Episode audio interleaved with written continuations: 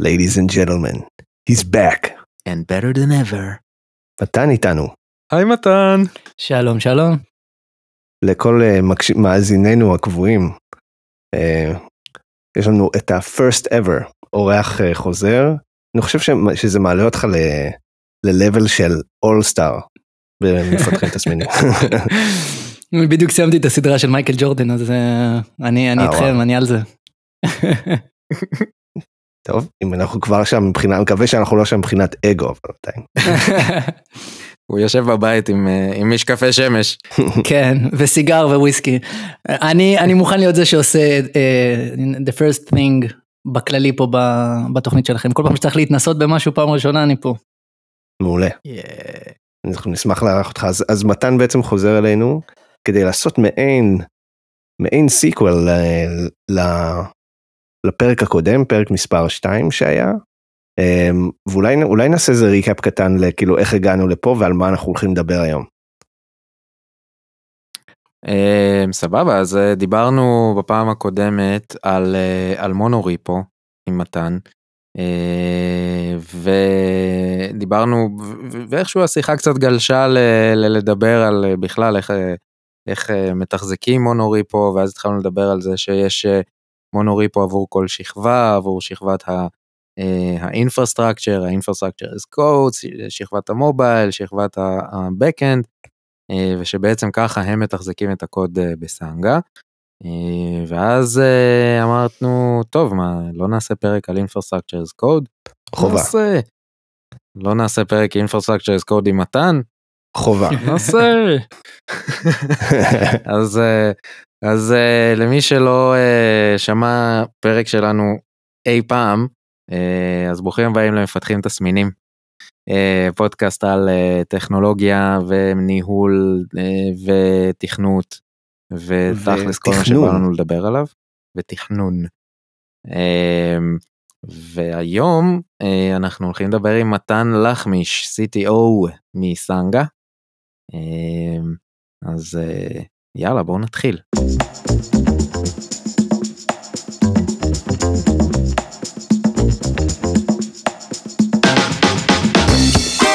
מפתחים תסמינים. איתי ואלירן מדברים על תכנות, ניהול ותכלס, כל מה שבא להם. אז כמו שאמרנו, ברוכים, לא, אני עם הקול הדי-ג'יי שלי, אלא אנחנו צריכים לדבר על זה, זה לא, זה לא יכול להמשיך ככה. שנייה, אני אעשה, רגע, רגע, let's regroup, let's regroup, אוקיי. take two. היי לכולם. אם זה נפל בעריכה, אלירן שוב נפל לכל הדי-ג'יי שלו, אז אה, אנחנו מנסים שוב. זה לא נפל, אני אשאיר את זה. אוקיי. it makes for good content. אוקיי, אז אולי אה, מה שאני אומר עכשיו נופל בעריכה. אז אה, אז כמו שאמרנו לפני העוד פתיחה אה, אנחנו הולכים לדבר היום על infrastructure as code יחד עם מתן ואז היי מתן מה העניינים? טוב תודה נחמד לחזור כיף שחזרת. מה שלומכם? טוב תודה. טוב תודה. כן, כולנו עם ילדים, כולנו מכירים דתיה. אה, אז בוא... מה זה? אין על דתיה. אין על דתיה. כפרה עליה. אה, סבתא דתיה. אה, אז מתן בוא בוא ככה נסביר לצופינו שאולי לא יודעים מה זה בכלל infrastructure as code מה זה אומר. אה, כן, אז אני חושב שהשם הוא די אה, דיסקריפטיב, אה, אבל בפרק הקודם שדיברנו על מונורי פה באמת עברנו על כל השכבות שאנחנו אצלנו מתחזקים בסנגה. אה, והשכבה הכי תחתונה אה, לצורך העניין היא התשתית שיש אה, בכל מוצר תוכנה כזה או אחר, שכבה של, שאנחנו קוראים לה infrastructure, בסופו של דבר הקוד שלנו צריך לרוץ על מחשבים והם צריכים לחיות בסביבה שמוגדרות כל מיני הגדרות networking ו security, חיים שם דאטאבייסים ושכבות cache למיניהם, load בלנסרים, ערימה של בעצם כלי תשתית אה, שבסופו של דבר הם חלק בלתי נפרד מה, מהמוצר, אנחנו כותבים אולי שכבה לוגית, אבל השכבה הלוגית הזאת היא צריכה לחיות בתוך איזשהו גוף שידע לקבל את הבקשות, להחזיר אותם ולנהל את כל הדבר הזה בזמן אמת. אז זה, זה מה שאנחנו קוראים לו infrastructure, ובאמת infrastructure as a code, זאת גישה שבסך הכל אומרת, חבר'ה, אנחנו יודעים לעשות בסך הכל דבר אחד טוב, שזה קוד. בכל השאר הדברים אנחנו קצת בסימן שאלה. בואו גם לזה נתייחס בתור קוד. זה מצד אחד נורא טריוויאלי, מצד שני לא כל כך, כי אנחנו לא כותבים פה באמת הרבה פעמים לוגיקה, pure logic שאנחנו רגילים לכתוב פה בקוד, אבל אנחנו פשוט מבינים שזה חלק בלתי נפרד מה stack הטכנולוגי של, של, של כל מוצר, המוצר שאנחנו מדברים עליו כרגע זה המוצר שלנו בסנגה, אבל אני מניח שאין אין, אין כמעט מוצר בלי תשתית כזאת או אחרת מאחוריו. בואו נתייחס גם לשכבה הזאת בתור משהו שהוא מנוהל על ידי אה, קוד. זאת אומרת, מה שהיה בעבר נחלתם הבלעדית של אה, אנשי ה-IT או Ops, אה, או, או אפילו DevOps, עד שהגיע Infrastructure as Code, בעצם אנחנו באים ואומרים, לא עוד uh, לזכור ולרשום בנוטפד, uh, תלחץ פה, תעשה זה, תקרא לשרגא. Uh, בעצם אנחנו אומרים, לא, יש לנו דרך מאוד מאוד מסודרת ומאורגנת, כמו שאנחנו עושים version control על, ה, על הקוד שלנו, של הסרבר, של המובייל, של הזה, יש לנו גם דרך לעשות versioning על התצורה של ה... של ה-IT, של ה-IT, של השכבת בעצם infrastructure שלנו. אמרת משהו מאוד מעניין מתן, גם קודם, על זה, אמרת כאילו שאתה לא, כאילו אמנם בשכבה הזאת לא כותבים לוגיקה פר אקסלנס, אבל כן יש שם לוגיקה, אז איזה, איזה לוגיקה נכנסת שם? אז זה, זה נקודה מעניינת, כי באמת הקונטקסט פה הוא תשתיות. אפשר טיפה להרחיב על, על מה זה תשתית, הזכרנו שרתים, דאטאבייסים, load בלנסרים, אנחנו, אני מאמין שאנחנו, ככל שהפרק יתקדם טיפה נצלול יותר לעומק הטכני של הדברים, אבל מהקונטקסט שאנחנו מדברים עליו, אין פה באמת אה, קלטים של משתמש, לעשות עליהם איזשהו חישוב, אה, ובהתאם לאיזושהי לוגיקה מסוימת לבצע פעולות. אה, האופי של, של הדברים פה הוא טיפה שונה, כמו שאלירן הזכיר. עד לפני הגישה הזאת היה אה, אדם בחברה או, או קבוצה בחברה שהייתה אמונה על השכבה הזאת, והם היו עושים את הפעולות האלה פשוט בצורה ידנית, בדרך כלל היו מתחזקים איזשהו אה, וויקי או נו-האו, זה המון קוקבוקים של איך לעשות אה, פעולה מסוימת, זה בדרך כלל אה, רצף של פעולות כדי להרים שרת, כדי לקנפק את ה database, כדי לעשות אה, שדרוג של הגרסת MySQL או משהו בסגנון. בדרך כלל מדובר ברצף פעולות, אה, ובמקום שהרצף פעולות האלה יתבצע על ידי בן אדם, שרגא, כמו שלירן אמר. אה, אנחנו פשוט... שרגא. אנחנו פשוט אה, מאגדים אותם בתוך איזשהו סקריפט, משהו שירוץ בצורה קונסיסטנטית ואוטומטית פעם אחר פעם, בלי מקום לכל כך טעויות אנוש וידע שיושב אצל בן אדם או קבוצה מאוד מאוד ספציפיים, ומנוהל בתור קוד. אני, אני חושב גם שה as code, ה suffix הזה שהוספנו ל infrastructure, אה, זה משהו שאפשר לראות בהרבה אה, מקומות בתעשייה, אנחנו אצלנו בסנגה עושים גם documentation as code, אה, כאילו אנחנו, פשוט הגישה של להתייחס למשהו בתור קוד, אני חושב שזה הטוויסט פה. כשאתה אומר documentation as code זה כאילו מרקדאון? בגדול כן, בסופו של דבר מרקדאון זה ה... בדיוק, שזה חלק מהמונוריפו שלנו, מה שדיברנו בפרק הקודם, אבל הגישה של לקחת בעיה, שבדרך כלל אה, החולשות שלה זה זה שהיא מאוד אה, ידנית, מאוד אה, צריך לזכור דברים, או בן אדם מסוים מחזיק בידע הזה, ואז אנחנו באים ואומרים, תקשיבו, קוד, קוד פותר את כל הדברים האלה, version control, ואנחנו כולנו יכולים לשתף על זה פעולה ודברים יקרו בצורה אוטומטית. זה יכול לפתור הרבה בעיות בחיים שלנו מעבר ל... אה, לכתוב REST API או איזה מסך אה, קליינטי. אני מאוד מאמין בזה, גם אה, הרבה פעמים כאילו זה דרך טובה לאמוד אם פרויקט open source הוא טוב זה לפי התיעוד שלו והתיעוד בעולם נכון. ה open source י כולם יודעים שהוא markdown וכאילו יש בו לא רק את ה... הוא בעצמו מנוהל בגרסאות הוא, הוא, הוא כלי טוב לנהל גרסאות ולהראות change logs ולהראות כאילו מה השתנה ולעשות כאילו הכל בדיוק. אז כאילו למה לא לקחת את זה צעד קדימה ולרשום זה design document או, או איזשהו API document או משהו כאילו מעבר אני מאוד אוהב. נכון, ותחשוב שכחלק מפלואו, שאני מאמין שכבר די שגור בתעשייה של פיתוח של פיצ'ר, יש לו איזושהי נקודה שבה עושים קוד ריוויו, חברי הצוות או ארכיטקטים או אנשים ספציפיים שצריכים להיות מעורבים בתהליך, אז מאוד הגיוני שחלק מהקוד ריוויו הזה יהיה גם הדוקומנטציה אם צריך ומה היא, האינפרסטרקצ'ר שהשתנה, הטסטים שהשתנו בעניין הזה, זאת אומרת, ככל שאנחנו מכניסים אה, אה, עוד חלקים שהם הם חלק בלתי נפרד מהמוצר ומה... ומה אה, workflow של העבודה, שאנחנו מכניסים אותם לאותם הכלים, לאותם השפות, לאותם הפלואים, זה מקל עלינו, אנחנו לא, לא צריכים לשנות הרבה קונטקסטים, הכל נמצא באותו מקום. זה מעולה. זו גישה אני מאוד מאוד מתחבר אליה.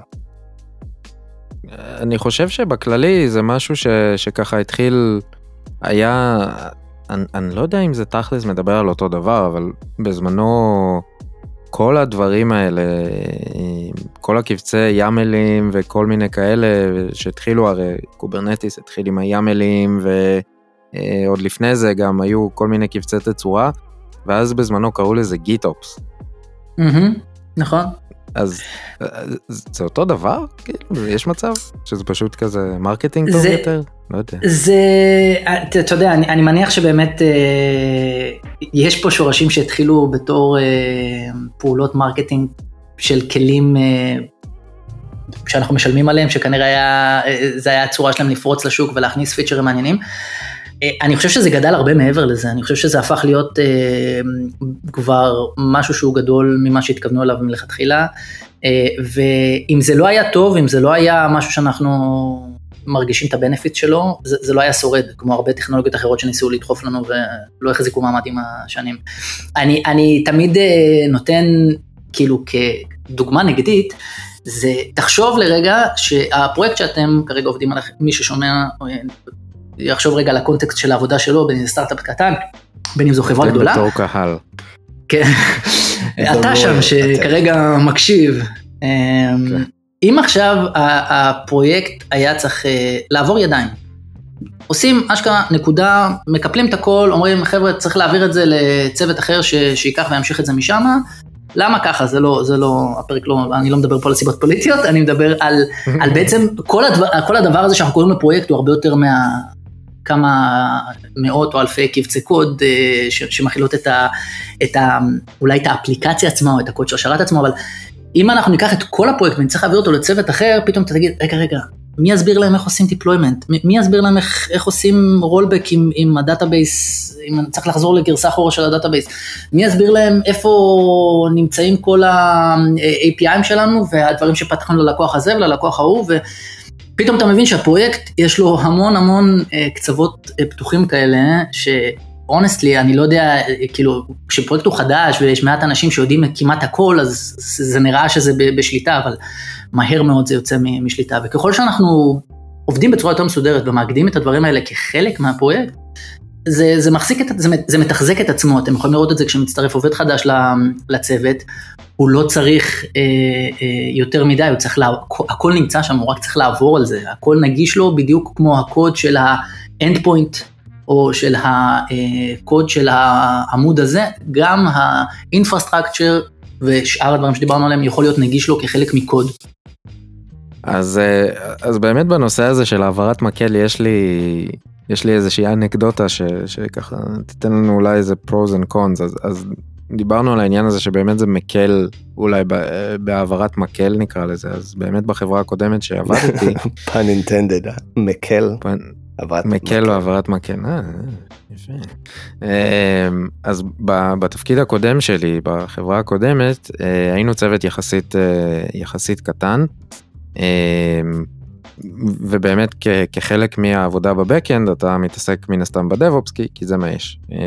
ויצא שעשינו Infrastructure as Code לרמה מסוימת. ו, ואז, שוב, זה היה כזה משהו בינוני פלוס כזה, וביום ש, שהודעתי שאני עוזב, וכל הסיפור הזה, אמ, אז באמת העברתי את, ה, את הידע הדב-אופסי של ה-infrastructure as code שיצרנו באיזושהי רמה, העברתי את זה למי שירש אותי בתפקיד. אמ, אז באמת ה cookbook הזה שאתה מדבר עליו, נהיה במקום בוא תלחץ פה, תיגש לשם, לך ל-URL הזה, תעשה copy paste וכאלה, נהיה תעשה copy paste לקובץ, תשנה את השם, אה, תעשה שינויים כאלה ואחרים, והנה יש לך cluster EKS חדש או whatever. אמ, מה שכן, ברגע שמריצים אה, את ה-infrastructure as code, פתאום, אתה יודע, אני מקבל טלפון, הרצתי את זה וקיבלתי error ככה וככה. ו- ואני לא מבין למה ומה קרה ואיפה זה נכשל ואיך זה נכשל ומה אני צריך לעשות עכשיו. אז באמת אולי זה מוציא אותנו מהקוקבוק אבל זה כן שם איזשהו black box כזה של uh, של תריץ ויהיה בסדר, ואם זה לא בסדר, וואלה, אין לי מושג איך לעזור לך, אחי. כזה. אה, אני, אני יכול להתחבר. אה, אני... כשאני אמרנו, כשאמרנו שאנחנו מעבירים בעצם את האינפרסטרקצ'ר להיות איזה קוד, אז אולי נפטרנו מכל מיני בעיות אה, של דברים ידניים ואנשים ספציפיים, רק ה-knowledge יושב רק אצלם, ומקום לטעויות אנוש וכל מיני דברים כאלה, העלמנו אותם כי אנחנו עושים דברים בצורה סיסטמטית, כתובים בקוד, אה, רפטטיביים, אבל כן עכשיו אנחנו חשופים לבעיות ש, של פרויקטי קוד, אה, קוד אה, צריך שיהיה נוח להוסיף אליו, להשתמש בו, יהיה אפשר לבדוק אותו, זאת אומרת, אני, אני לגמרי מסכים שזה שעברנו לאינפרסטרקצ'ר זה קוד, לא אומר, אוקיי, מעכשיו כל דבר באינפרסטרקצ'ר הוא, הוא piece of cake, אבל, אבל כן אפשר לעשות את זה כנראה יותר נכון ויותר נגיש, אה, מה שלא נעשה מאשר קוקבוקים אה, אה, וכל מיני קבצי נוטפד שמסבירים איך לעשות פעולות במערכת. אני, אני כן יכול לתת, כן רגע הפרדה, כי אתה בדוגמה שלך נגעת בשתי נקודות שהן חשובות בעיניי, הן פשוט טיפה שונות. יש כשיש לנו כבר בוא נגיד איזושהי תשתית שהיא ממומשת באמצעות קוד, אה, ישנם שני סוגים של פעולות שאנחנו רוצים לעשות עם המערכת. האחת זה פעולות שגרתיות, לצורך העניין אה, העלאה, אה, הפעלה של מודול מסוים, אולי תכף נסביר באמת על, על הארכיטקטורה והטכניקה מאחורי עבודה עם אינפרסטרקצ'ר זה קוד, אבל הכוונה שלי אה, לעשות פעולות שגרתיות כמו להרוס סביבה, להקים סביבה, לעדכן, כל מיני דברים כאלה שהם אה, בוא נגיד יותר יומיומיים, מאשר להוסיף דברים חדשים ולהמשיך לפתח אה, יכולות אינפרסטרקצ'ריות ובעצם לכתוב עוד קוד. אז לנקודה הראשונה, אני מחזיר אותנו לעולם ה monorepo, והדבר הזה מתוחזק בתוך monorepo, שחלק מהיכולות שלו הן יכולות CI/CD טובות מאוד, שכל הפעולות האלה הן לא, לא דורשות הם, אמ, עוד פיתוח, העתקה, דברים כאלה, זה פשוט פעולות CIיות, אתה, אתה מריץ pipeline מסוים שהוא יודע לעשות את הפעולות האלה אה, בצורה dead simple, very automatic, אם, אם קרה איזשהו error אז הוא יודע לחזור אחורה, לעשות rollback לסטייט שהיה לפני זה. זאת אומרת, העבודה היומיומית צריכה להיות הרבה יותר שגורה ופשוטה, וזה לא כל פעם צריך להיות uh, מדע הטילים. אז בעצם אתה אומר זה כמו, שוב אם נגביל את זה לעולם של, של הקוד, אה, זה בעצם לבוא ולהגיד, אה, וואלה אם אני עכשיו כותב סרבר ב-Node.js, אז מן הסתם אם אני מביא מישהו לתחזק את זה, אז כן, כאילו הוא לא צריך להיות אה, מבין, אה, אם אני מגיע נגיד מ-C-Sharp או ממשהו אחר, וואלה לתחזק קוד קיים, להסתכל על ה-if, להגיד אה הנה יש פה באג, אה, זה, זה קצת אה, יותר קל. אבל אם עכשיו אני צריך לפתח פיצ'ר, אז אין לי ברירה, אני חייב להבין מה אני עושה. חד משמעית. וזה יותר מזה, זה כאילו אתה חייב להבין מה אתה עושה, ואתה חייב להכיר את הכלים שאתה משתמש בהם, גם לאיזשהו עומק מסוים.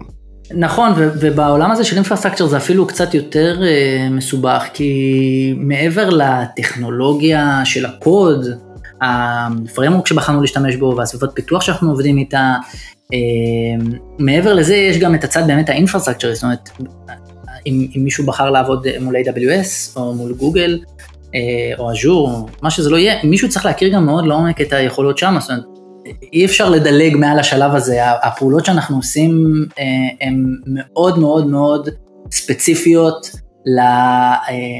לשירות ענן שאנחנו משתמשים בו וליכולות שהוא יכול לתת לנו. אז אם כבר נכנסנו לעניין הזה של השירותי ענן ו- וספציפיות וזה, אז באמת בוא, בוא ככה ניתן איזה סקירה למי שלא מכיר בכלל את העולם הזה ואומר אוקיי, כאילו סבבה, אתם מדברים פה על קונספטים וזה, איפ, מאיפה mm-hmm. להתחיל, מה, מה הכלים שאני יכול בכלל להשתמש בהם. אז, אז בוא נתחיל רגע מלפני החלק של האיזה קוד, רק שנייה אחת לתת אה, איזשהו קונטקסט לאינפרסטרקצ'ר שאנחנו חוזרים ואומרים אותו כל הזמן. אז אה, אני מאמין שהיום רוב, ה, רוב החברות ורוב הפרויקטים אה, משתמשים באחת מנותני שירות הענן הגדולים אה, בהקשר של תשתיות ענן, בין אם זה AWS של אמזון, בין אם זה Google Cloud או אג'ור של מייקרוסופט. ישנם עוד שירותי ענן, כאלה שהם יותר לא יודע, פרנדליים ליוזרים כמו DigitalOcean, אבל מצד שני הם גם נותנים לך הרבה פחות אה, אה, יכולת לירידה אה, לפרטים מאוד מאוד קטנים ברמת היכולת שלך לעשות דברים ולקנפק דברים, אז דיגיטל אושן הם כאלה והורוקו הם אה, דוגמה טובה, אה, ויש עוד באמת אני לא יודע אפילו כמה אה, ספקים יש לאורקל אה, ענן ולסאפ, SAP יש ענן, ויש המון חברות שמתחזקות מעין תשתית, אני עבדתי באחד החברות אה, בעבר שהיה לנו תשתית ענן משלנו. אה, כל אחד מהם, מאלו שהזכרתי, אה, הוא, הוא תשתית ענן, וזה בסדר, כאילו אפשר לעבוד מול אה, כל אחת אה, מהאפשרויות האלה, אה, ולקרוא לזה infrastructure. אה, החלק של ה-as a code בעצם אומר, אוקיי, עד עכשיו כל אחד מהתשתיות ענן האלה שדיברתי עליהן מאפשר, מאפשרת איזושהי, איזשהו ממשק ניהול, בין אם זה דרך ממשק ניהול גרפי, דרך איזשהו אפליקציית ווב, או שיש להם API, בין אם הוא RESTי או CLI, או יש להם ספריות לשפות מסוימות, לכל אחד מהשירותים האלה כנראה יש כל מיני דרכים לגשת ולדבר איתו. ישנם בשנים האחרונות התפרצות של אה, כמה טכנולוגיות אה, מאוד יחסית חדשות, אבל שתפסו אה, די בסערה תשומת לב ובצדק לדעתי, שהם קוראים לעצמם פריימורקים לאינפרסטרקצ'ר איזה קוד. זאת אומרת, הם באים ואומרים, תקשיבו, יש את כל השכבה הזאת של התשתיות ענן, סבבה, אנחנו לא באים להתחרות איתם, אנחנו לא תשתית ענן בעצמנו, אנחנו רק כלי שהוא ממש טוב בלנהל את זה. זאת אומרת, אנחנו ניתן לכם את כל הפיצ'רים שאתם צריכים מבחינת קוד, לבוא ולנהל את זה. שניים אין מהגדולים... אין מעטפת כזאת. נכון, אה, נכון, במקום, הרי כמו שאמרתי, נגיד ל-AWS יש API לכל דבר בערך, אז אין בעיה לעשות infrastructure איזה קוד בעצמנו, אבל ה-heavy lifting שאנחנו צריכים לעשות כדי להתניע את התהליך הזה, וכל פיצ'ר חדש, וכל איזה אה, אה, מוצר חדש של אמזון שאנחנו צריכים להשתמש בו, אנחנו צריכים להיכנס לעומק של ה-API ולממש כל דבר, אין ספק שזה לא משימה ל, ל, לכל צוות וכל חברה, לא לכל אחד יש את ה-capacity להתעסק עם זה, ו-to be honest, כמעט לאף אחד אין את הזמן ואת. אמ, אז כן, הכלים האלה בעצם באים לספק איזושהי תשתית שהיא מאוד מאוד מוכנה, נוחה, רק בוא ותתחיל להשתמש, תתחיל לרוץ עם זה. אה, שניים הגדולים, אה, שאני חושב ש-worth mentioning, הראשון, honestly, כאילו, זה, אי אפשר לא להתחיל איתו שזה טרפורם, אני חושב שכשאומרים היום infrastructure זה קוד, מתכוונים בדרך כלל לטרפורם. פרויקט של חברה, השיקורפ, פרויקט אה, כבר כאילו הוא היותר אה, זמן בשטח, הוא הפרויקט שיותר התגלחו עליו, אבל הוא, הוא, הוא, הוא ילד, הוא צעיר מאוד, הוא עדיין לא בגרסה 1.0 שלו, הוא בגרסה 0.12, אה, וזה כאילו, כל גרסה שהייתה עד עכשיו הייתה גרסה אולטרה קשה, שוברת הכל, זה עדיין פרויקט מאוד מאוד חדש. אמ, והמוצר השני שאני כן חושב שמגיע לו אה, לקבל את המנשן פה הוא, אני לא יודע אם אני הוגה את זה אפילו נכון, יש לו שם כזה מוזר, כותבים את זה P-U-L-U-M-I, אני אומר את זה כל הזמן אצלנו בחברה פולומי, אבל בוא נגיד אה, פולומי. כן, כל אחד אה, אצלנו במשרד קורא לזה טיפה אחרת, וזה קצת אה, אינדיקטור לזה שהשם שלהם הוא לא מאוד טוב. אה, אבל... לעומת אה, טרפורם, שזה בערך השם הכי טוב ever כן. לחבילת קוד. גורם לי. לרצות להיות בדב-אופס, כאילו זה נשמע כל כך מגניב. כאילו, נכון, נכון. אמ, ואז אז באמת, באמת הם, הם שניהם אלטרנטיבות די שקולות מהמון בחינות, יש את היתרונות לזה ואת היתרונות לשני. אה, אבל אם נסתכל עליהם רגע בזום אאוט, לא בתור רגע בוא נבחור טכנולוגיה, אם אנחנו אנשי דוטנט או שאנחנו אנשי ג'אווה, עקרונית הם נותנים את אותה חבילה של כלים, הם נותנים לנו את היכולת להתממשק עם כל אחד מהשירותי הענן האלה שהזכרתי, וגם עם כאלה שלא הזכרתי, אפשר לכתוב בעצמנו מודולים שיודעים רק לעשות פעולות מאוד ספציפיות, ב... גם אם אנחנו הקמנו שירות ענן בעצמנו, ובעצם להשתמש בתשתית שהם מאפשרים לנו כדי לכתוב מודולים, מודול זה חתיכה של infrastructure, אם נסתכל על כל שכבת ה infrastructure שלצורך העניין יש אצלנו בסנגה, אה, אז אפשר לשבור אותה למודולים קצת יותר קטנים, בדומה לעולם המיקרו סרוויסים, אה, אפשר להסתכל על התמונה ב, ב, בשברים טיפה יותר אה, קטנים, זה- נוח פשוט לנהל את זה ולתחזק את זה בצורה שהיא, לא כל פעם אתה שובר את הכל ומתחיל מההתחלה. מה אתה אז- מגדיר כמודול? אוקיי, אז אחד המודולים אצלנו הוא לצורך העניין בכלל billing, אוקיי? כאילו, נושא ה billing בעולמות ה-Cloud Services הוא נושא די חשוב. אה, אני, אה, כאילו, כל חברה מגיעה לרגע הזה שהיא מקבלת פתאום את ה billing הזה שהיא לא צפתה. בום בום, איך, איך פתאום הגענו לפי 100 מהחשבונית הקודמת שלנו, מה קרה? אה, אה, כן, שמנו API Gateway והחודש עלו לנו חצי מיליון יוזרים, אז כל יוזר שילמנו עליו 0.7 אה, דולר, אז ככה, ככה זה מרגיש. אה, סיפור אמיתי שקרה לי. נשמע לי. ספציפי. כן. כן. אני יכול להגיד אפילו שהקטנתי את המספרים בערך בפקטור של 10. אז זה- אמ, אז לצורך העניין נושא ה billing, אה, כל אחד אה, לומד בשלב כזה או אחר שזה אה, משהו שלא צריך לזלזל בו ולשים לב אליו מאוד מאוד מאוד.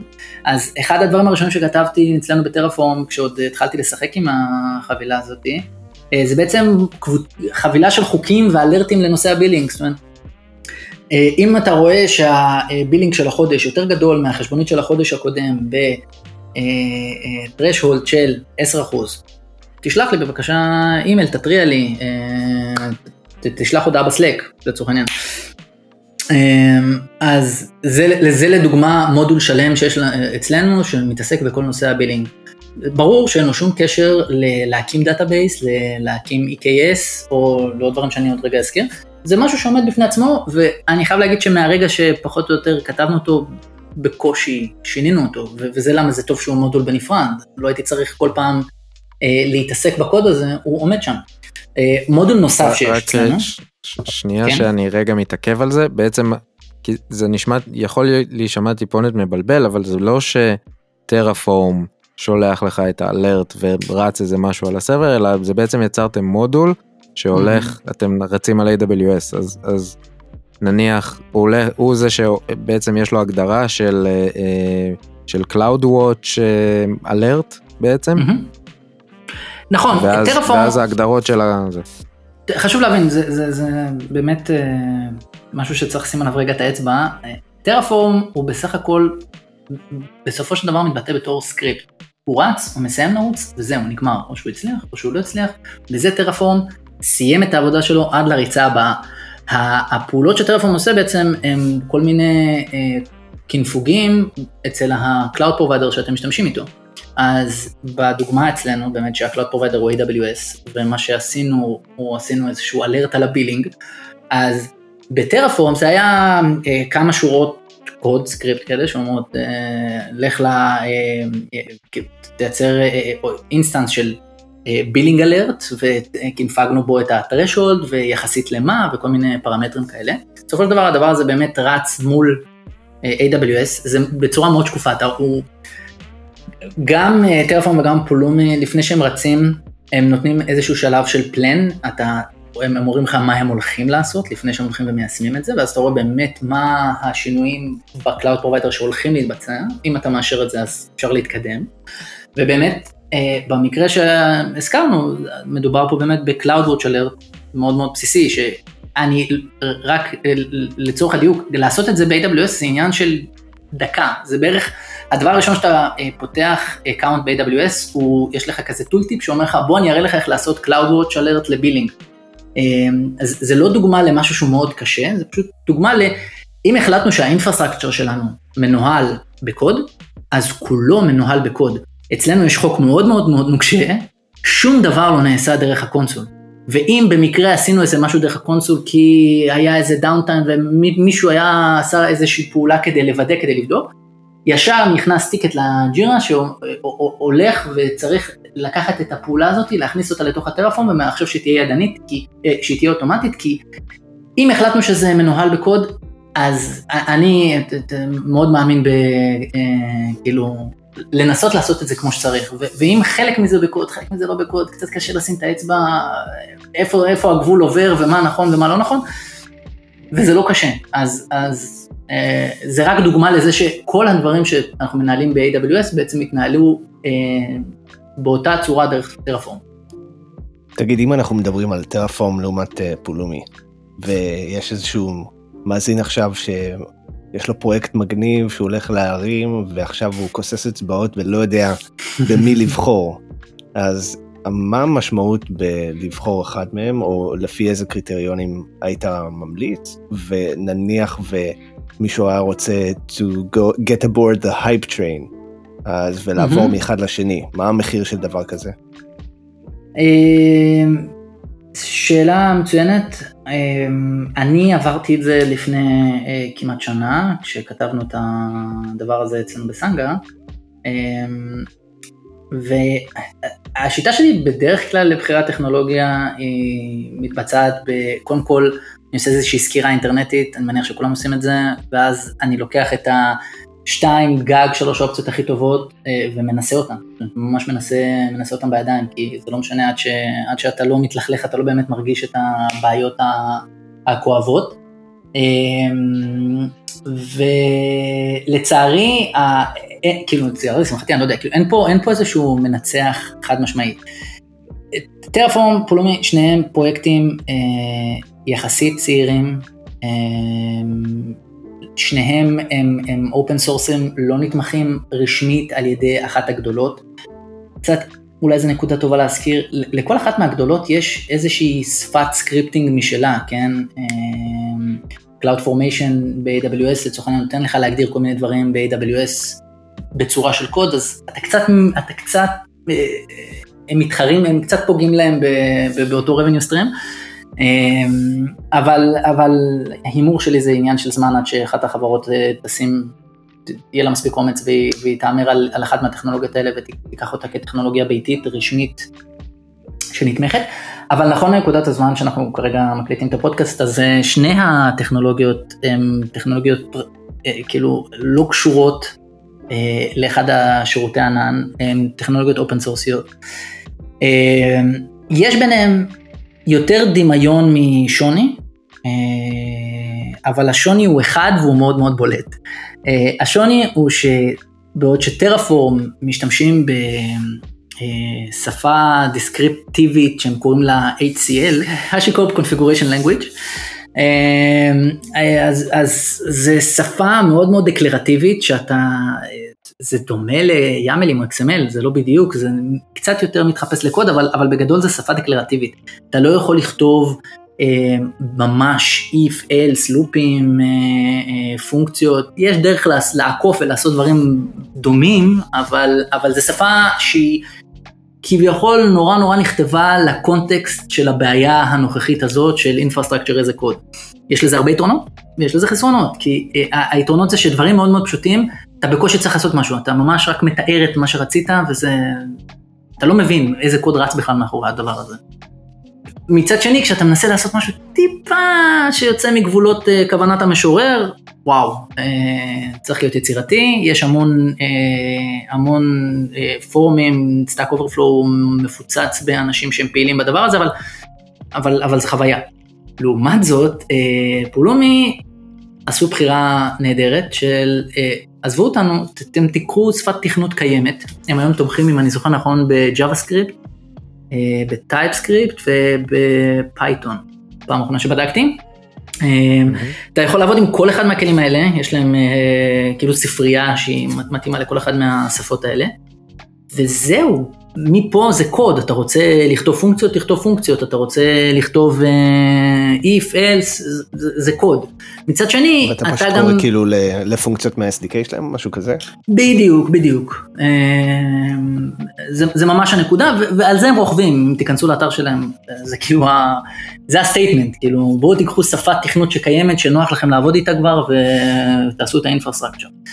Uh, אז, אז, אז זה, זה ההבדל המרכזי, הייתי אומר, אה, בין השניים. מעבר לזה, הן באמת באמת אה, דומות. באמת באמת, אה, אין פה איזה, לא יודע, בעיניי משהו שמושך אותי מאוד חזק לאחת או לשנייה. אני כן אגיד שטרפורם, נכון לנקודת הזמן הזאת, קצת יותר מקובלת בתעשייה. זאת אומרת, יותר סטארט-אפים וחברות, אפילו קצת יותר גדולות, מספרים שהם עובדים עם טרפורם. עדיין לא תשמעו אה, אף אחת מהענקיות אה, תומכת בה באופן רשמי וגדול, על פולומי אף אחד כמעט לא מדבר.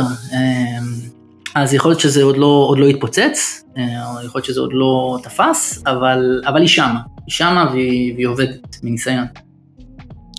אני אישית הרבה יותר מדליק אותי לחשוב שאני לא צריך ללמוד עכשיו איזושהי שפה חדשה, ושאני יכול לכתוב את מה שאני רוצה. בשפה שאיתה אני כותב את הבקאנד. יותר מזה, זה גם, אני חושב שזה עוזר מאוד לקרב, כי תחשוב על זה, אם עכשיו יש לי לדוגמה אה, איזה ג'וניור בצוות, או ג'וניורית, אה, היום אתה נכנס לחברה, ואז זה כזה, לא מספיק שאתה צריך ללמוד, כאילו, אתה יודע JavaScript או Python וזה, ואתה מתחיל לכתוב והכל בסדר, ואז פתאום באים אליך ואומרים לך, שומע, כאילו, יש לנו פה עכשיו גם את הצד ה DevOps י, אז בוא תלמד עכשיו גם טרפורם, כי למה? כי אתה צריך להעלות, אה, אתה יודע, להעלות את השרתים, להעלות את העניינים, וזה. ופתאום בא לך מישהו ואומר לך, שומע, נכון, כתבת עכשיו JavaScript ו Python עד עכשיו? אש. אתה יכול לכתוב את, אותה, את אותו דבר בדיוק, עכשיו זה יריץ לך את ה... את ה-infrastructure as code. זה, זה bridging the gap עוד יותר בין כאילו מפתח ו DevOps. כאילו כן, אני מסכים, אלירן, אבל רק, רק להיות devil's advocate זה אומר שאם המפתחים שלך הם ממש טובים אז זה אחלה, אבל זה יכול להיות מקום לעשות כל מיני פאלטות שלא אמורים לעשות וכל להכניס כל מיני pattern ים שגויים לתוך הזה רק כי, כי נגיד בן אדם לא רגיל לעבוד בצורה הכי טובה ואיכשהו באיזה אזור שהוא לא, לא יודע, הכי מבוקר או שלא בדיוק זה, מכניס לך חתיכת קוד מסריחה שכאילו עושה דברים בצורה לא טובה, ולעומת זאת הגישה הדקלרטיבית הזאת של השפה מאוד ספציפית שומרת עליך, שאתה כאילו אתה, אתה עושה דברים בצורה שהיא ה-intended, כאילו, אז אה, גם בזה כן, יש לי... קשה, קשה לעשות טעויות uh, בשפה דקלרטיבית, אני, אני מסכים, אני רק אחזק את אלירן כי uh, כמו שהתחלנו, די בתחילת השיחה אמרנו, זה שעברנו ל-infrastructure as code זה, זה אחלה צעד ראשון. עדיין צריך סביבה ומעטפת שמאפשרת לנו להכניס קוד בצורה נוחה ונקייה, לעשות בדיקות, אה, לנהל את, ה, את החיים של, ה, של הפרויקט הזה שעכשיו אנחנו קוראים לו Infrastructure זה קוד. כשאנחנו בוחרים בטכנולוגיה שהיא גם ככה חלק מה stack שלנו, כנראה שיש לנו כבר גם know-how וגם כבר כלים אה, לעשות הרבה מהפעולות האלה. תשתית של CI מספיק אה, אה, אפויה, תשתית של בדיקות, אה, יש לדברים האלה יתרונות, אנחנו יצאנו בסנגה, בסופו של דבר בחרנו בטרפורם, פולומי הייתה עוד משהו שרק שמענו עליו, רק גילינו אותו בתהליך הזה, והיינו צריכים לממש הרבה מאוד מהדברים האלה, ספציפית כי בחרנו בטרפורם ושום דבר מהסטאק הקיים שלנו לא, לא באמת עזר לנו בהקשר הזה. אז בוא, בוא באמת נדבר שנייה על, על, על בדיקות.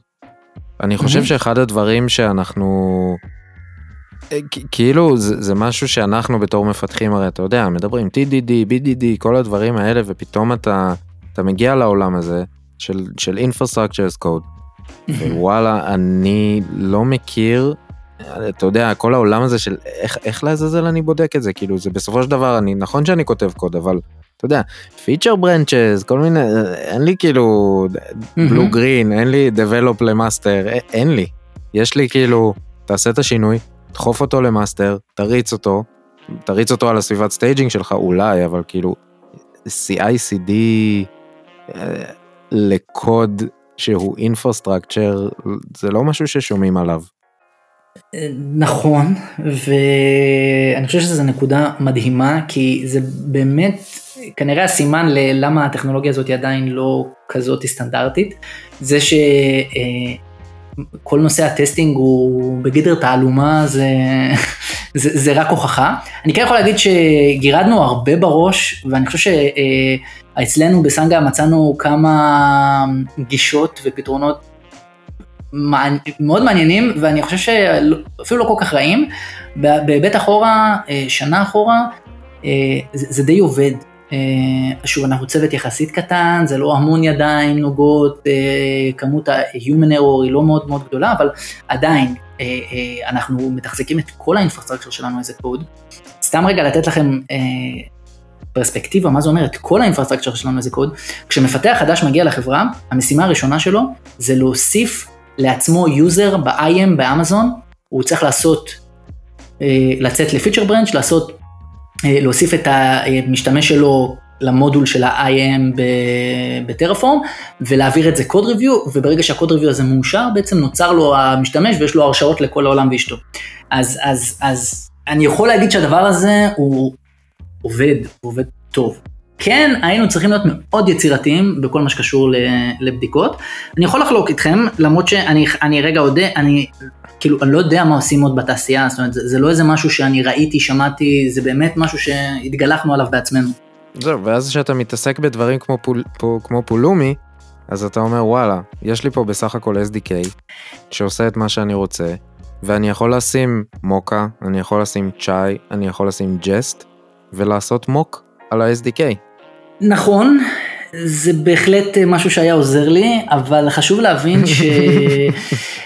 יש פה, יש, פה, יש פה עוד איזה gap שצריך לסגור אותו. אנחנו מדברים על infrastructure, ו infrastructure בסופו של דבר זה, זה, לא, זה לא קוד, זה ממש אה, אה, שרת שצריך להיפרס, קונפיגורציית DNS או, או אה, קונפיגורציית נטוורקינג, אם אנחנו עובדים עם VPCים, עם סאבנטים.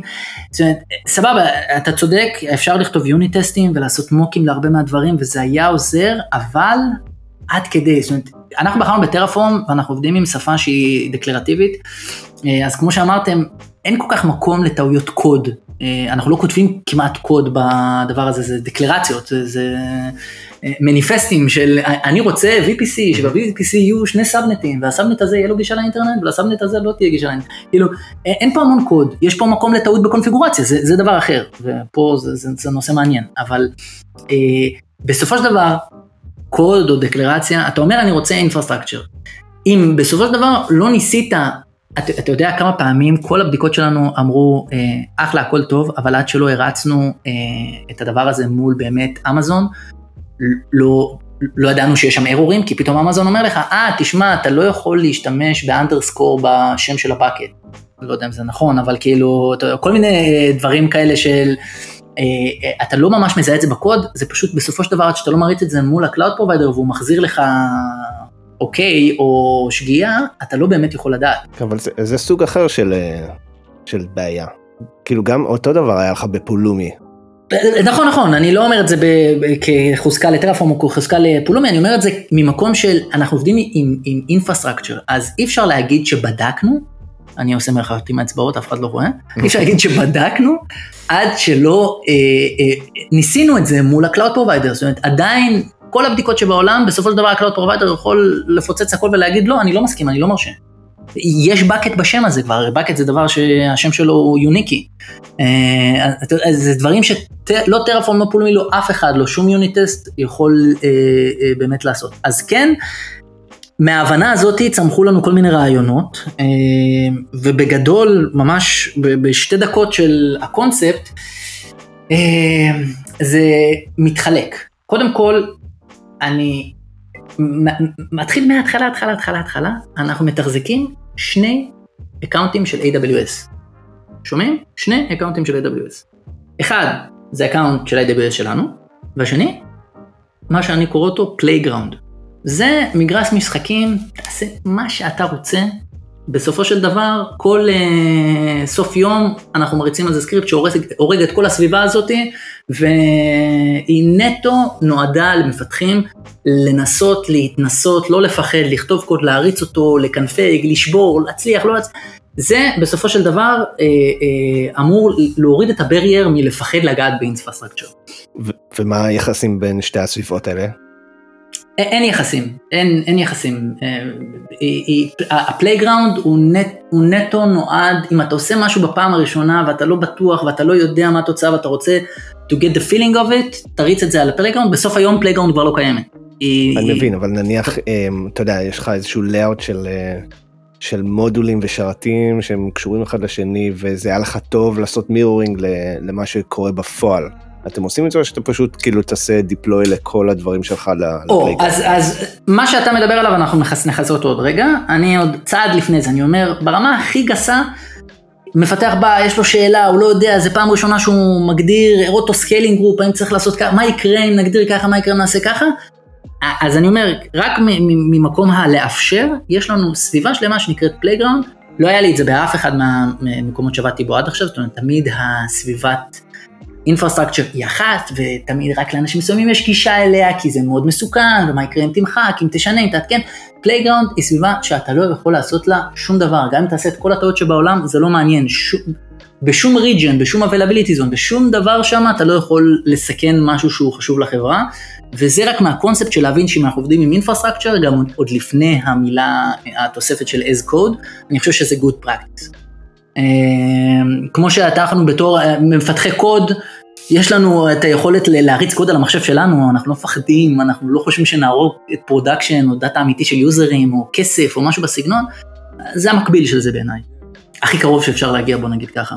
מעולה, נשמע רעיון מעולה, תכלס. אמ, אז זה, אוקיי, זה קל, כאילו לא באמת פתרתי פה איזה משהו אה, יוצא דופן. השלב הבא זה באמת מה שאתה אה, הזכרת, איתי. אה, בסופו של דבר סיימנו לשחק, עכשיו צריך לכתוב קוד. אני יוצא לפיצ'ר ברנץ', אני משנה איזה משהו באינפרסטרקצ'ר, אני צריך עכשיו להפעיל את השינוי הזה. מה, אני אפעיל את זה כבר על ה production? אז מה שאצלנו אנחנו עושים, אה, זוכרים את החלוקה למודולים? אז אחד המודולים לצורך העניין הוא באמת האפליקציה שלנו. החלק בתשתית, החלק באמזון לצורך העניין, שמגדיר את הדברים שהם קשורים נטו לסביבה שהמיקרו סרוויסים ירוצו עליה. הם מגדירים שם את ה-VPC ואת ה-EKS ואת ה-Auto Scaling Groups וכל מיני דברים כאלה. המודול הזה הוא מודול. היופי במודול שאפשר אה, לפרוס אותו, ואפשר להרוס אותו, וכאילו עוד דבר שאפשר לעשות איתו, אפשר לפרוס אותו אפילו כמה פעמים. נותנים לו prefix שונה, שתי שם, ואז אה, אה, אפשר לפרוס את אותו המודול יותר מפעם אחת. איך אנחנו משתמשים בדבר הזה? אנחנו אה, עשינו קונספט שאנחנו קוראים לו אה, dry ו-wet, אה, קונוטציה צבאית שכזאת. יש לנו אה, את המודול של האפליקציה בסביבת dry, ואת המודול של האפליקציה בסביבת wet. זה דומה למי שעובד על, על uh, הצד הבקאנדי או הפרונט-אנדי של מוצר, אז יש לכם ברנצ'ים uh, או סביבות שהם debug uh, או QA או staging וסביבת production, אז, אז זה מעין האנלוגיה, יש לנו סביבה יבשה וסביבה רטובה. Uh, כל pull request שיוצא, זאת אומרת כל feature branch שנגזר מ master ומתחילים לעבוד עליו, ה-CI שלו בסופו של דבר מאפשר לך, למפתח, לבוא וליישם את השינויים שלו על סביבת dry, כדי לראות שהכל עבד, הכל, הכל טוב, האפליקציות מגיבות לזה, יש כמובן סביבה גם של השרתים שמחוברת ל dry, ובאמת יש health check ים ואפשר לראות שהכל עובד. רק כשזה עובד, אז נפתח גם, נפתחת האופציה לבוא ולעשות את זה על web. שורת אומר, אוקיי, זהו, זה על רטוב חברים, אנחנו משנים את production, אם יהיה לנו downtime זה יהיה downtime אמיתי, אבל בדקנו את זה, זה עבר על dry, הסיכויים שזה יהיה בסדר ל wet הם, הם משמעותית הרבה יותר טובים. אז בעצם המודול של ה dry מקושר ל playground או שזה לא קשור? לא, המודול של ה dry חייב להיות אה, מקושר, הוא על, הוא על אותו סביבת אה, אמזון. הסיבה שאני אומר חייב, Mm. כי אם זה לא על אותה סביבה, הסיכויים שעדיין יהיו טעויות כשנריץ את wet, הם קיימים, כי אתה יודע, זה סביבה אחרת, יכול להיות שיש שם קונפיגורציות אחרות, יכול להיות שמשהו יתקלקל ברגע שנעשה את wet, כי עדיין לא עבדנו על הסביבה הזאת של אמזון. אז dry ו wet הם שניהם רצים על אותה סביבה של אמזון, הם, הם, הם שניהם רצים אפילו על, על אותו ה region, ההבדל היחיד ביניהם הוא בשמות, הוא ב prefix ים, שכל ה resource ים של dry מתחילים ב dry מקף, וכל ה resource ים של ווט מתחילים בווט מקף. פשוט כדי שאחרי זה יהיה לכם איזשהו ארגון של לבוא ולהגיד אוקיי אני יודע שאם עכשיו זה נכשל ב dry אוקיי אני לא צריך אה, לקפוץ עכשיו על ה alert ים וזה זה פשוט עשיתי נכון. איזושהי שגיאה בטרפורם wet מן הסתם לא נפגע אוקיי. דפקתי דפקתי את הכל. נכון, נכון, ו... staging production כזה. בדיוק, בדיוק, וזה גם, אתה יודע, קצת אנחנו אומרים את זה פה במרומז, אחד היתרונות המ- המשמעותיים של להשתמש ב infrastructure as code זה באמת הסטנדרטיזציה הזאתי. כשדברים מנוהלים ביד, אני ראיתי כל כך הרבה פרויקטים, אתה לא יודע מה שייך למה, איזה resource שייך לאיזה סביבה, מחובר למה, הרבה שמות הם שמות default יביים. היכולת לנהל סטנדרטיזציה של naming ו tags בעולם ה-cloud זה, זה, זה וואו, זה, זה ההבדל בין אתה מבין מה הולך שם לאין לך מושג מה הולך שם. אז, אז כשעובדים עם, עם טרפורם או כל שירות כזה, זה, זה באמת קל. זה באמת זה הופך את זה להרבה יותר טוב כן זה כמו שאתה עושה קופי פייסט מה שאם היית עושה את זה עכשיו ידנית היית צריך לעשות את זה עם העכבר ועם המקלדת ולעבור וויזרד שבע פעמים פה אתה פשוט עושה קופי נכון. פייסט ואתה מקבל את אותו דבר. ולסמוך על בן אדם שיעשה את זה. אה, בוא, בוא לא נזלזל ב- בחלק הזה. כן. בוא נסמוך על שרגא. אל תדע, אתה יכול לסמוך עליי, למה לא? אני מסתכל על זה ואני אומר זה נשמע מדהים באמת זה נשמע מדהים אני חושב אבל יש נקודה שלא נגענו בה ואני רוצה שניגע בה בקצרה והיא אני נגיד אה, עכשיו בארגון של שרגא ואני רוצה לעשות באמת את אותה סטנדרטיזציה ואני רוצה שיהיה לנו את כל הדברים המהממים שדיברת עליהם אבל וואלה שרגא עשה את הכל עם, אה, עם קליקים point and click וכאלה. מה, מה אני עושה, אני, אמרנו ש, שגם טרפורם וגם Pulumi הם כולם מחזיקים state באיזושהי צורה. נכון. מה אני יכול עכשיו לבוא ולהגיד אוקיי אני פשוט מעלה את כל הסביבה שלי על, ה, על הכתב ב, אה, בטרפורם או ב Pulumi והכל אחלה או שנדפקתי ואני צריך להעלות עכשיו את כל הסביבה שלי כ, כתוצר של טרפורם או Pulumi אה, ובסופו של דבר צריך לעשות כזה sundown על, ה, על הסביבה שהרמתי ידנית. אה, זה אחד ה feature request הגדולים אה, ב- אה, זה באמת נקודה כואבת קצת, כאילו, ה- ה- יש פה, יש פה דברים שהם הם, הם דווקא טובים והם יעבדו בקלות למי שרוצה לעשות מעבר כזה, ויש דברים שיהיו טיפה יותר קשים. אני, ממש כמו שדיברנו על, על הפרק של המונוריפו, אני שוב פעם אומר, אם מישהו מתחיל את ה-day one שלו וחושב האם הוא צריך לנהל את האינפרסטרקצ'ר שלו בקוד או לא, אני, אני חושב שכאילו, yes. זה ברור, זה ברור ש... שוב, אנחנו מדברים על פרויקטים אמיתיים, חברות, לא... אני, אני לא מדבר על אה, דברים קטנים, פרויקטי צעד, לילה, ברור, ROI פה הוא, הוא קצת יותר long termי, אבל כן, חברה אמיתית, מוצר אמיתי, אני, אני I'm never going back, מה שנקרא, אני, כל, כל מוצר שאני ארים יהיה בגישה הזאת. למוצרים קיימים אה, וחברות קיימות, דיברנו על זה גם בעולם המונוריפו, ומי שלא שמע שילך לשמוע, כי יש שם איזה חתיכה שלמה שמדברת רגע רק על, על הגישה הפסיכולוגית של איך לעשות שינוי כזה בארגון, אז אני לא אחזור על זה, נעשה רפרנס לפרק הקודם, אבל אה, ברמה הטכנית לעשות כזה שינו- שינוי, אה, טרפורם, אני אדבר על טרפורם כי שם אני גם עשיתי את השינוי ושם אני הרבה יותר uh, into the little details um, ושם הסטייט בסופו של דבר מנוהל על ידי uh, קובץ, קובץ uh, ג'ייסון עצום, כאילו ככל שהקונפיגורציה שלכם יותר גדולה, הוא גדל משמעותית.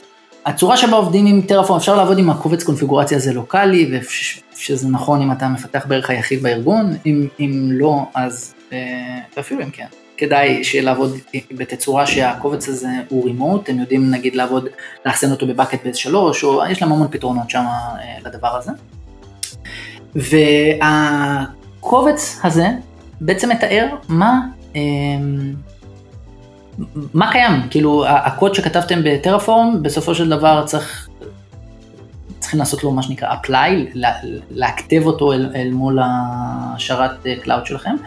וברגע שזה קרה, הקובץ של ה state מתעדכן, הוא אומר, אוקיי, יצרתי EC2, שזה השם שלו, זה התגיות שלו, זה, הוא נמצא פה ב region הזה, ב, אה, זה, ה type שלו הוא כזה, בסופו של דבר כל הדבר הזה מקבל איזשהו תרגום למה שטרפורם קוראים לו state file. אה, היופי זה שה state file הזה זה לא הכל או כלום. זאת אומרת, אם יש לכם כבר דברים מוגדרים בסביבה שלא הוגדרו דרך טרפורם, אין בעיה, זה לא מתנגש עם העובדה הזאת של ה state. רק מה שהגדרתם בטרפורם יופיע שם ב state, ומה שלא הגדרתם לא יופיע שם ב state. אז אם עושים מעבר שכזה, אה, אפשר להתחיל להעביר חתיכה חתיכה, לא חייבים לעשות הכל או כלום. אה, אבל כשמעבירים חתיכה, אני, אה, שעשיתי את זה לפני שנה, אפשר, ל, כאילו צריך לראות איך, איך הדבר הזה מתקדם, כי אין ספק שיש לזה המון דרישה וביקוש מהתעשייה. ממש צריך לייצר את הריסורס הזה מחדש. טרפורם לא יודע לבוא ולהגיד לך, בוא, אני אנהל ריסורס שכבר קיים. הוא יודע לראות אם הריסורס הזה שם, זאת אומרת אפשר ללכת לעשות כל מיני queries, אה, נגיד, אם אתם מרימים איזשהו resource שצריך אה, את הכתובת של ה database שהרמתם, את ה-RDS שכבר הרמתם, אז אין בעיה לבוא ולהגיד, תחפש RDS שזה השם שלו ותביא לי אותו ותביא את הכתובת. אבל אי אפשר, נכון לנקודת הזמן הזאת, לבוא ולהגיד, שומע, ייצרתי RDS ידנית בקונסול, מעכשיו אני רוצה לתחזק אותו אה, דרך טרפורם. אין דרך לבוא להגיד לטרפורם בוא, כאילו תסתכל מה יש שם ותגזור את ההגדרה של זה לבד. נכון. או משהו כזה, כאילו הוא לא מייצר לך קוד, אין... כן. נכון, נכון, כי בסופו של דבר התוצאה של זה הייתה צריכה להיות שהוא בסופו של דבר יג'נרט לך כקוד טרפורם שתוכל לקחת ולהמשיך לתחזק. אה, כי, כי אתה צריך את ההגדרות האלה, את הדקלרציות של הדברים הקיימים. אז, כן. אז זה לא קיים, זאת אומרת, או שאתה עם טרפורם עובד עם טרפורם, או, או שמה שלא בטרפורם אתה עובד איתו לא בטרפורם, אי אפשר לעשות את הברידג' הזה ולהגיד, מעכשיו אני מתחיל לנהל resource שהגדרתי אותו ידנית. זה חתיכה שצריך לעשות לה sundown, כמו שדיבן אמר. אני חושב שמצאנו את הסטארט-אפ הבא. סתם לא. אני חושב אבל באמת שהדברים האלה הם, הם חלק מהסיבות שבגללן כל ה-infrastructure as code לוקח לו הרבה זמן להתרומם, כי מהרגע שזה נוצר, ארגונים גדולים, כאילו, אני לא מדבר עכשיו, נגיד נטפליקס לא היו משקיעים בזה, סבבה? אבל אני מנסה לתאר לעצמי את הפעם הראשונה שמישהו בא בנטפליקס ואמר, חבר'ה, אנחנו עוברים לטרפורם. ו- ואותו שרגא בנטפליקס, שנגיד קוראים לו אה, אה, שרגא, ג'ונה, שרגא, אז הוא כאילו תפס בטח את השערות ואמר על יוסטון, כאילו איך אני עכשיו מעביר את כל הסביבה הזו שאני כתבתי, אה, אוקיי, נניח הם כתבו את זה ב CloudFormation, סבבה, כי מן הסתם. הם נטפליקס, אבל נניח הם כתבו גם הרבה דברים, עשו הרבה דברים point and click כזה, על יוסטון, כאילו הוא אומר לעצמו, עכשיו אני אצטרך להשקיע כל כך הרבה זמן, זה יהיה לי רק, כאילו ייקח לי שנה רק לעשות את המיגרציה הזאת. אמ, ואני חושב שבג... שזה פיר פקטור מאוד מאוד משמעותי ב... בעניין הזה של, של כאילו איך אני, איך אני מביא את הארגון שלי לדבר הזה, וזה חתיכת גאפ שאין, הם, הם יצטרכו לכפר עליו. מצד שני אתה כאילו באיזשהו שלב אתה צריך להבין כמה ברור שיש דברים שהעלות שלהם היא מאוד גבוהה וכאילו בטווח המיידי הקרוב קשה to justify it אבל השאלה על מה איך אתה מסתכל על זה כאילו יכול להיות שבטווח הבינוני פתאום אתה תבין שאתה תחסוך הרבה יותר זמן ממה שהשקעת ואולי בטווח הרחוק זה בכלל יגמד את זה. בטווח הרחוק בכלל אף אחד לא יזכור מה, מי זה השרגה הזה ולמה למה היה צריך אותו, או כאילו. או כאילו תראו כמה שעות אדם וכמה כסף נחסך רק בזכות המעבר הזה שהעלות שלו הייתה גבוהה. אבל על דברים כאלה אתה חייב להסתכל בהשקפה קצת יותר רחוקה, כי בטווח המיידי זה אף פעם לא ישתלם. ודבר כזה ימנע ממך תמיד לעשות אה, שינויים אה, מרחיקי לכת. ואז ואז uh, שרגא שלנו יקבל את uh, בונוס העובד המצטיין שחסך ערימות של uh, שעות אדם לכל הבאים אחריו. כן. אני, אני חושב שכאילו בכל חברה שהייתי עד היום שעבדה חזק מול איזשהו שרת, שירות ענן כזה או אחר, פעם בשנה, שנתיים, היה באמת איזשהו איש דב-אופ שקיבל ציון לשבח על זה שהוא עבר על כל הריסורסים שיש ומצא ריסורסים שאף אחד לא משתמש בהם וחסך לחברה עשרות אלפי דולרים. באמת כאילו כל הכבוד, אבל, אבל זה, זה בגלל שהדבר הזה מנוהל ומטופל בצורה כל כך ידנית ואנושית, אין, אין ספק שעד שלא נחליט אחרת, הדברים האלה ימשיכו לקרות. ברמת האסטרטגיה, רק כדי רגע לסכם את נושא הטרנזישן, אנחנו מדברים על אינפרסטרקצ'ר, אז אה, כאילו גישה אה, שאני הייתי ממליץ למי שהולך לעשות את זה, הוא אפשר להקים את כל התשתית, מאלף ועד תף, בנוסף, זאת אומרת, מבלי להרוס את התשתית הקיימת, להפנות אליה את השרתים, ולבדוק שהכל עובד, ורק בסופו של דבר, כשאנחנו נורא נורא מרוצים מכל התהליך הזה, ברמת ה-DNS, לנווט את כל ה traffic לתשתית החדשה, ועכשיו להרוס לאט לאט את התשתית הישנה. אפשר לעשות דברים כאלה, בסופו של דבר ה state בדרך כלל מוחזק בדאטאבייסים ודברים כאלה, אפשר לעשות מיגרציה גם דרך Terraform לתוכן של database מאחד לשני, זה משהו שגם עושים בסך הכל רק בהקמה, לא דבר מאוד מאוד אה, נורא, אבל, אבל כאילו אם, אם מישהו מספיק רוצה, אני, אני חושב שאפשר למצוא פתרונות. אני חושב ככה לסיום, אמ, ניתן ככה מקורות, אה, מקורות מידע אם, אם באמת לא הכרתם טרפורם עד עכשיו אה, ולא הכרתם פולומי, אני לא הכרתי פולומי אה, עד, עד לפני השיחה הזאת, אז כאילו מן הסתם טרפורם איו זה הכתובת של טרפורם, יש להם learning resources, זה השיקור, יש להם כאילו הכל מהכל, כן? אבל uh, יש להם uh, learning resources מטורפים על, על טרפורם, אפשר שם באמת לשקוע עד צוואר. Uh, ופולומי.com uh, לפולומי, מי שרוצה ככה להיכנס לזה, זה נראה ממש ממש ממש מגניב. Uh, ונראה לי שבזה נסיים. Uh, מתן, היה כרגיל uh, enlightening, מה אני אגיד לך? היה נהדר. ואני, אני, אנחנו אה, רוצים להזכיר לכל מי שרוצה לשלוח לנו קומנט, לייק, שאלה, תגובות למתן, אה, כל מה שלא לא יהיה. יש לנו דף בפייסבוק, מפתחים תסמינים, יש את האתר שלנו, תסמינים.dev, יש לנו טוויטר, שטרודל Dev Symptoms, יש לנו גם מה עוד יש לנו? את הדף שלנו ב Anchor שאתם יכולים אה, אה, לשים לנו שם הודעה קולית. כן, עדיין אף אחד לא, לא לקח את ה challenge. רוצים לשמוע את הקול שלכם. נשים אותו פה. ו... וזהו, מתן, המון המון המון המון תודה. ואני חושב שכדאי שגם מתן יצטרף באמת שוב לסליחה אינסופית שאנחנו מבקשים מג'וליאן. יום יבוא ואנחנו לא נאריך בשיחה ואנחנו נביא אותו יחד, כי, כי אין מה לעשות, דיברנו פה די הרבה היום. אני, אני אדבר איתו אישית. לג'וליאן. כן. זהו, אנחנו, אנחנו נסמס לו בסוף, ה, בסוף הפרק. אז תודה רבה למתן. נהניתי מאוד חברים, תודה. ואיתי, היה כרגיל אש ותמרות עשן. אלירן. תפסיק, תפסיק להביך את עצמך. זה כאילו, זה נע בין הקול של הדיסק ג'וקי בבר מצווה ואיפשהו בדרום הארץ, לבין כאילו, לא יודע מה. איך לתאר את הדבר הזה שאתה עושה עכשיו. אבל אה, כן, היה לי כיף נורא. אז אה, יאללה חברים, Bye. Bye.